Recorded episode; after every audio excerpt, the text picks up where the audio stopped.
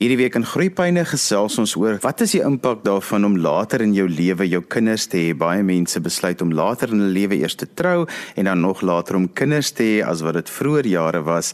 Ek gesels met LZ Fritz, opvoedkundige sielkundige. LZ, dit is nogal die tendens deesdae dat mense 'n bietjie ouer is as hulle kinders het en dan vergeet hulle ook dat hulle eendag baie ouer gaan wees wanneer hulle kinders byvoorbeeld tieners of jong mense is. Hallo Johan, ja, dit is so. Daar is 'n toename in volwassenes wat op 'n baie later ouderdom kinders kry. Ek dink nie dit is 'n geval van dat hulle vergeet hulle gaan ouer word nie.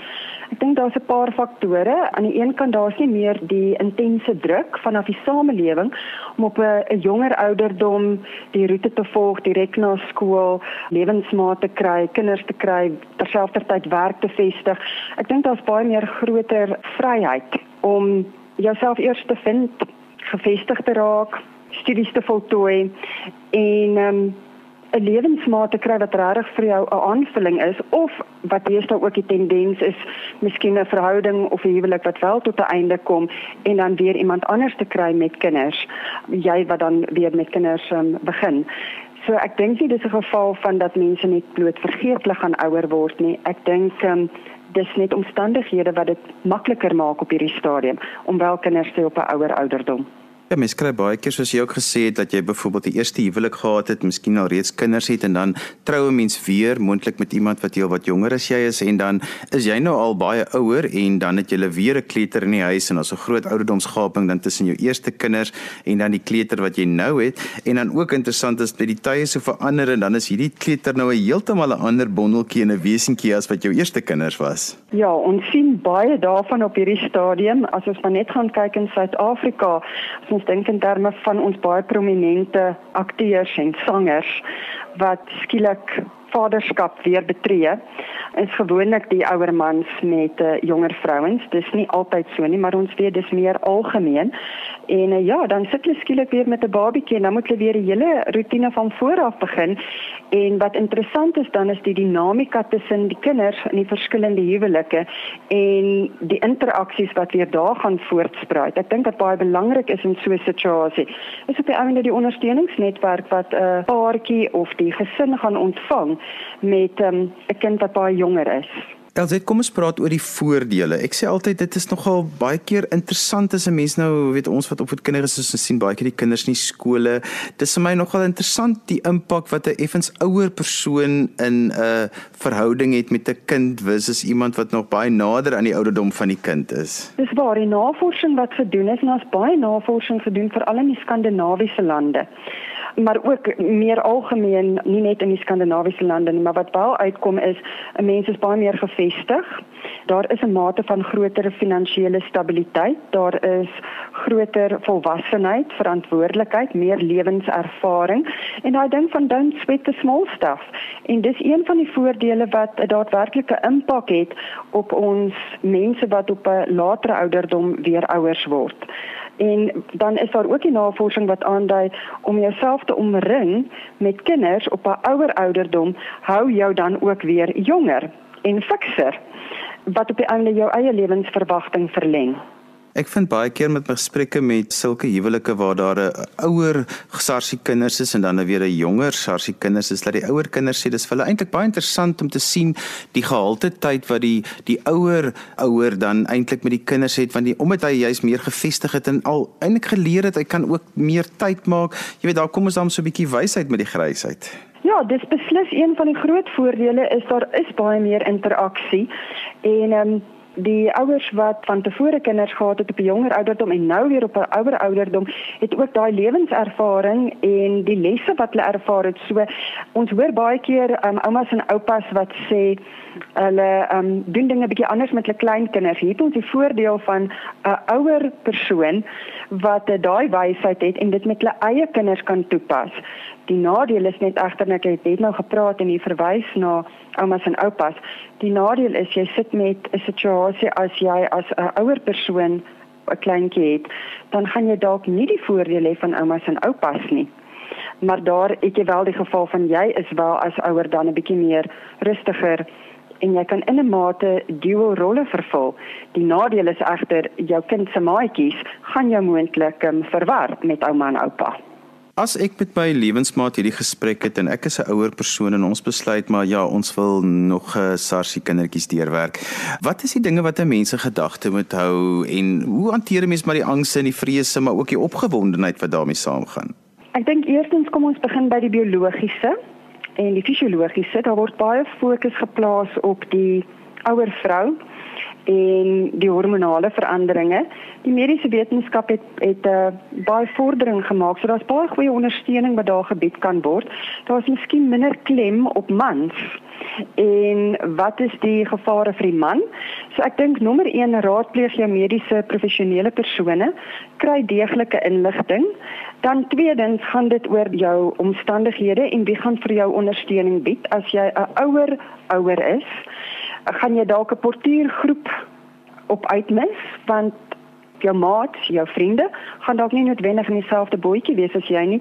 Jy gaan 'n nuwe vriendekring ontwikkel wat dalk bietjie jonger is as jy en jy gaan inligting by hulle kan kry as jy 'n eerste keer ouer is. Andersins set jy die waarde van jou vorige ervaring.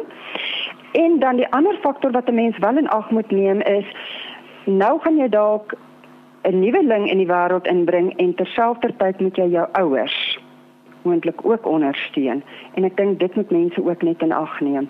Wat ook altyd nogal interessant is baie keer is ook dat die die generasiegaping tussen die ouer ouer en die jonger ouer as dit so 'n geval is en dat 'n mens dan baie keer ook moet onthou dat die jonger ouer het in 'n ander tyd groot geword as die ouer ouer en hulle moet voor die tyd maar baie mooi ooreenkom oor hoe gaan die ouerskapstyl wees en hoe gaan hulle dit toepas en wat hulle gaan doen. Ja, dis met ander woorde gesprekke wat jy voor die tyd gaan moet hê. So openlike kommunikasie dink ek is ontsettend belangrik. So as ons in 'n situasie is van jy het 'n paartjie en die een partner wil ek half sê is ouer en die ander een is jonger, moet mens hierdie faktore in ag neem en ons moet daai openlike gesprekvoering hê en daar gaan altyd die onverwagte wees. So jy moet maar met 'n goeie dosis humor in hierdie situasie instap. En ek dink as jy min of meer go with the flow, dan gaan dit dalk vir baie makliker wees as wat jy vooropgestelde idees het. En uh, ja, ek dink net sleutel is kommunikasie in 'n uh, verhouding. Elsie, wat kan die probleme wees? Wat is die dinge wat mense dan baie keer ook met jou kom bespreek as opvoedkundige wat as daar 'n generasiegaping is? Daar's 'n hele klompie. Kom ons begin by ons weet op hierdie stadium net vanaf die navorsing se kant, die risiko is wel groter dat jy defekte kan hê. So jy kan moontlik 'n kind hê waar daar 'n groter predisposisie is vir leerbelemmeringe. Ons weet met uh, Asperger En ek noem hierdie goed, ek wil nie nou graag vir mense bang maak nie, maar hulle moet dalk net meer ingelig wees om te weet dat gaan dalk 'n pad met professionele mense moet stap. Dalk meer voorkomend as um, om iets noodwendig as iets verkeerd is om dit dan aan te spreek. Ek dink jy gaan jou eie gesondheid in ag moet neem, so jy gaan baie groter insette moet lewer om seker te maak jy uh, het optimale gesondheid, dat jy die pad wel met jou kind kan stap ek dink van die ander gevare wat ek nou nog genoem het is jy gaan moontlik na jou eie ouers ook moet omsien. So alhoewel daar groter finansiële standvastigheid is, is dit 'n ander faktor wat ons wel in ag moet neem. Jy begin met 'n nuwe gesin en jy het jou ouers waarna jy ook moontlik moet omsien. En alhoewel ons weer die navorsing sê jy baie langer moontlik ook kan leef en om jou te omring met jong mense is voordelig vir jou eie gesondheid praat mense baie keer met ons in die sielkunde professie dat hulle tog wel moeg raak en hulle sukkel soms om so 'n bietjie by te hou. En 'n mens moet uh jou eie ervaring van toe jy 'n kind was en wat het gegeld en wat was norms vir wat ons verwag veral van adolessente moet jy baie vinnig gaan aanpas vir 'n uh, 'n nuwe generasie van jong mense. En uh die portuïergroep van 'n uh, die ouers wat uh, wie se kinders soortgelyke ouderdom is as jou, nee, maar miskien baie jonger as jy. My gas vandag is Elzet Fritz en sy is 'n opvoedkundige sielkundige en ons gesels ook hier oor ouer ouers, met ander woorde mense wat kinders later in hulle lewe het en al die eise en en die aanpassings wat dit van so 'n gesin en sulke ouers verg. Elzet, ek wil die gesprek nou 'n bietjie skuif na primêre en sekondêre versorgers toe, met ander woorde wie kyk primêr en wie kyk sekondêr na die kinders en baie keer is daardie primêre versorger nou ouma en oupa wat ook dan eintlik 'n ouer ouer word en die dinamika tussen die ma en die pa wat lang ure werk of dalk is maandpa heeltemal afwesig in sulke kinders se lewe, maar daardie dinamika is weer iets anders en dit is ook 'n ouer ouer. Ja, dis reg. Dit is iets wat mense beslis in ag moet neem. So waar ons weet of ons ons kinders op 'n jonger ouderdom het, kan jy moontlik nog op jou ouers of op ouma en oupa se knoppie druk. As jy baie ouer is en jy dan 'n kind, is die kans daar dat jy dalk nie soveel op jou ouers se knoppie kan druk of op jou partner se ouers se knoppie kan druk tensy daai partner dalk baie jonger is. Daar gaan jy dit dalk wel nog kan doen. Wat ek deesdae agterkom is ek het baie keer veral met ouer mans met jonger vrouens dat die ouer mans in 'n mate baie keer meer betrokke is as wat die geval was toe hulle self jonger was en hulle toe kinders gehad het. So dis wel een van die veranderinge wat plaasvind. En um, ons is baie bevoorreg in Suid-Afrika. Ons het nog versorgers wat um, kan help. En ek kyk na ons kleintjies. As jy dit oorweeg om te immigreer, dan is dit 'n luukse wat jy nie noodwendig gaan hê nie. En dan weet ons ons het baie goeie sorg wat ons kan kry en kleuter Peter interaksie by ons baba Peter kleuter skole.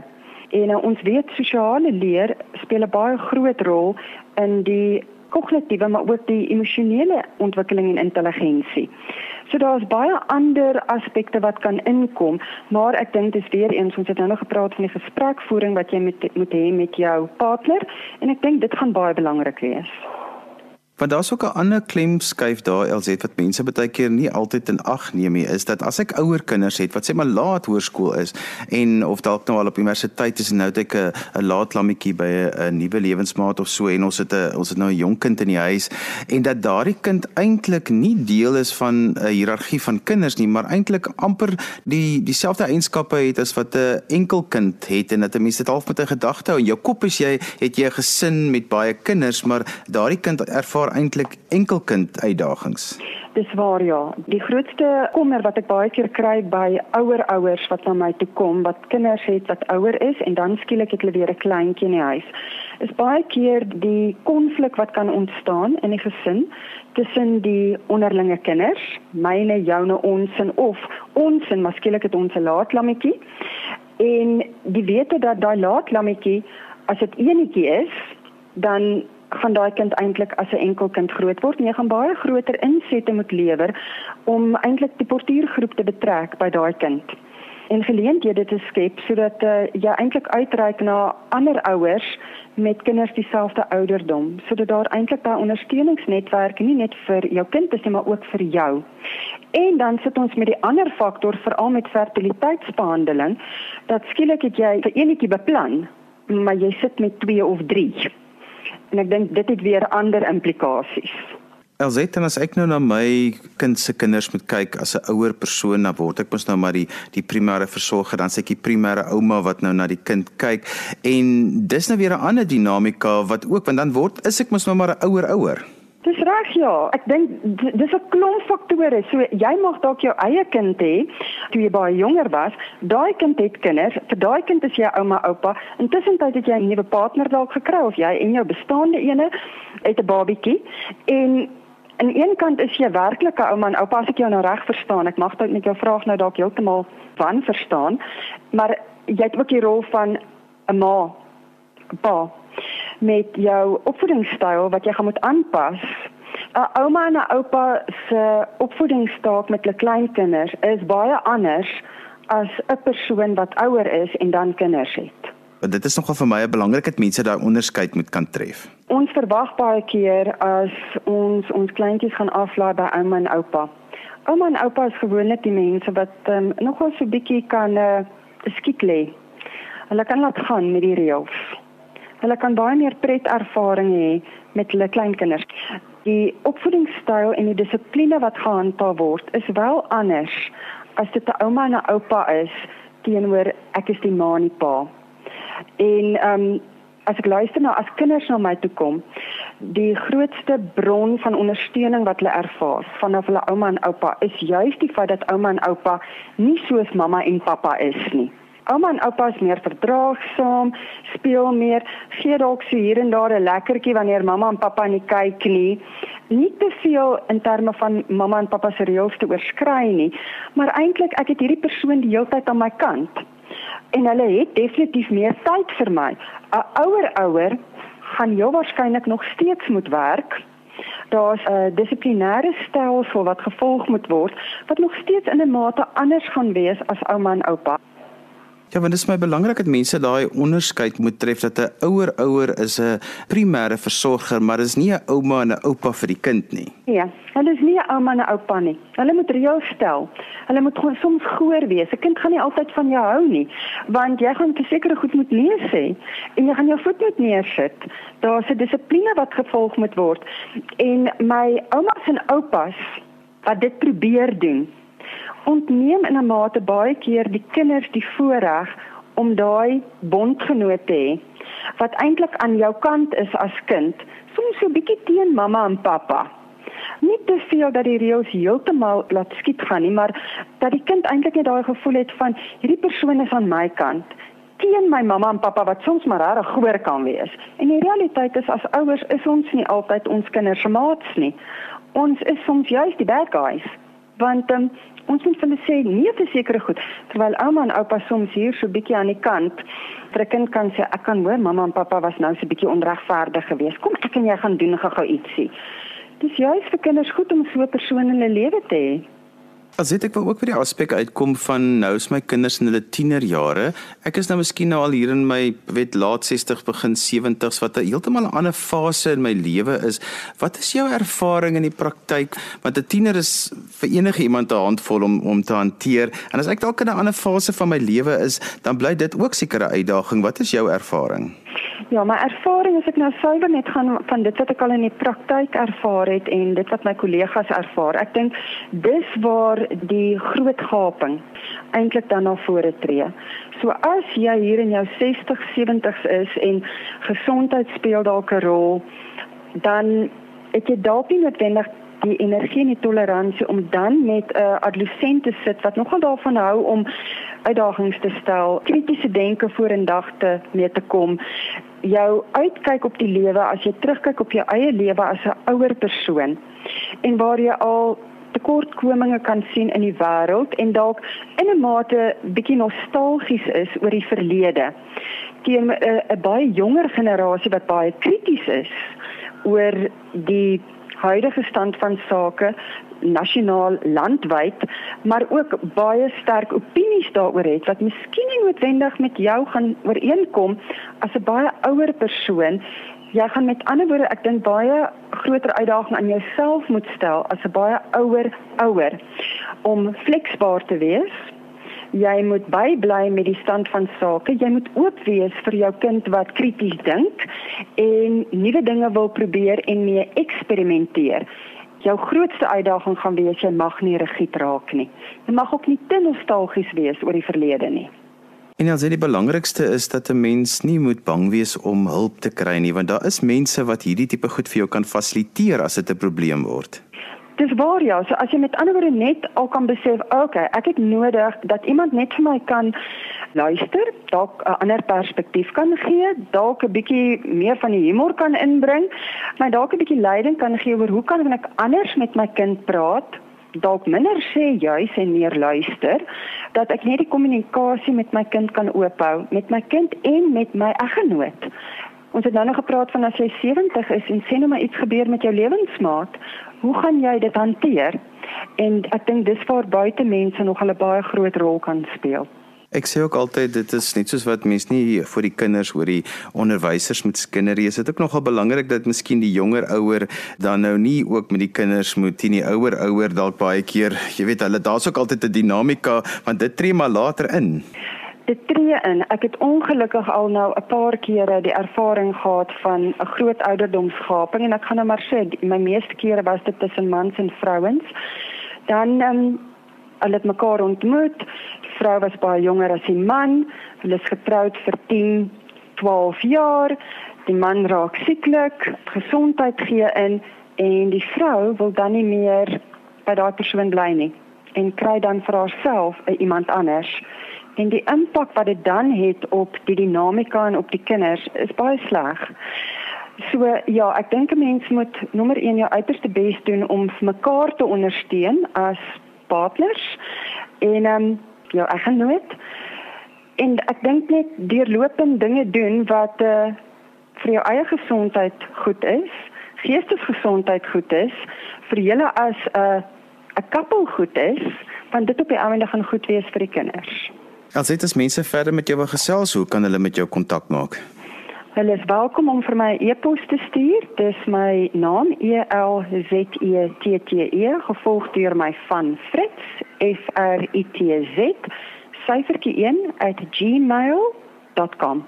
En so gesels LZ Fritz op vir kindige sielkundige en ons het 'n bietjie gesels oor die uitdagings daarvan om later in jou lewe jou kinders of jou kleuters te hê en uh, hoe mense dit kan hanteer. Onthou jy kan weer na vandag se program luister as 'n potgooi, laai dit af by resgep.co.za. Skryf gerus vir my e-pos by groeipyne@resgep.co.za. Dan groet ek dan vir vandag tot volgende week van my Johan van Lille. Totsiens.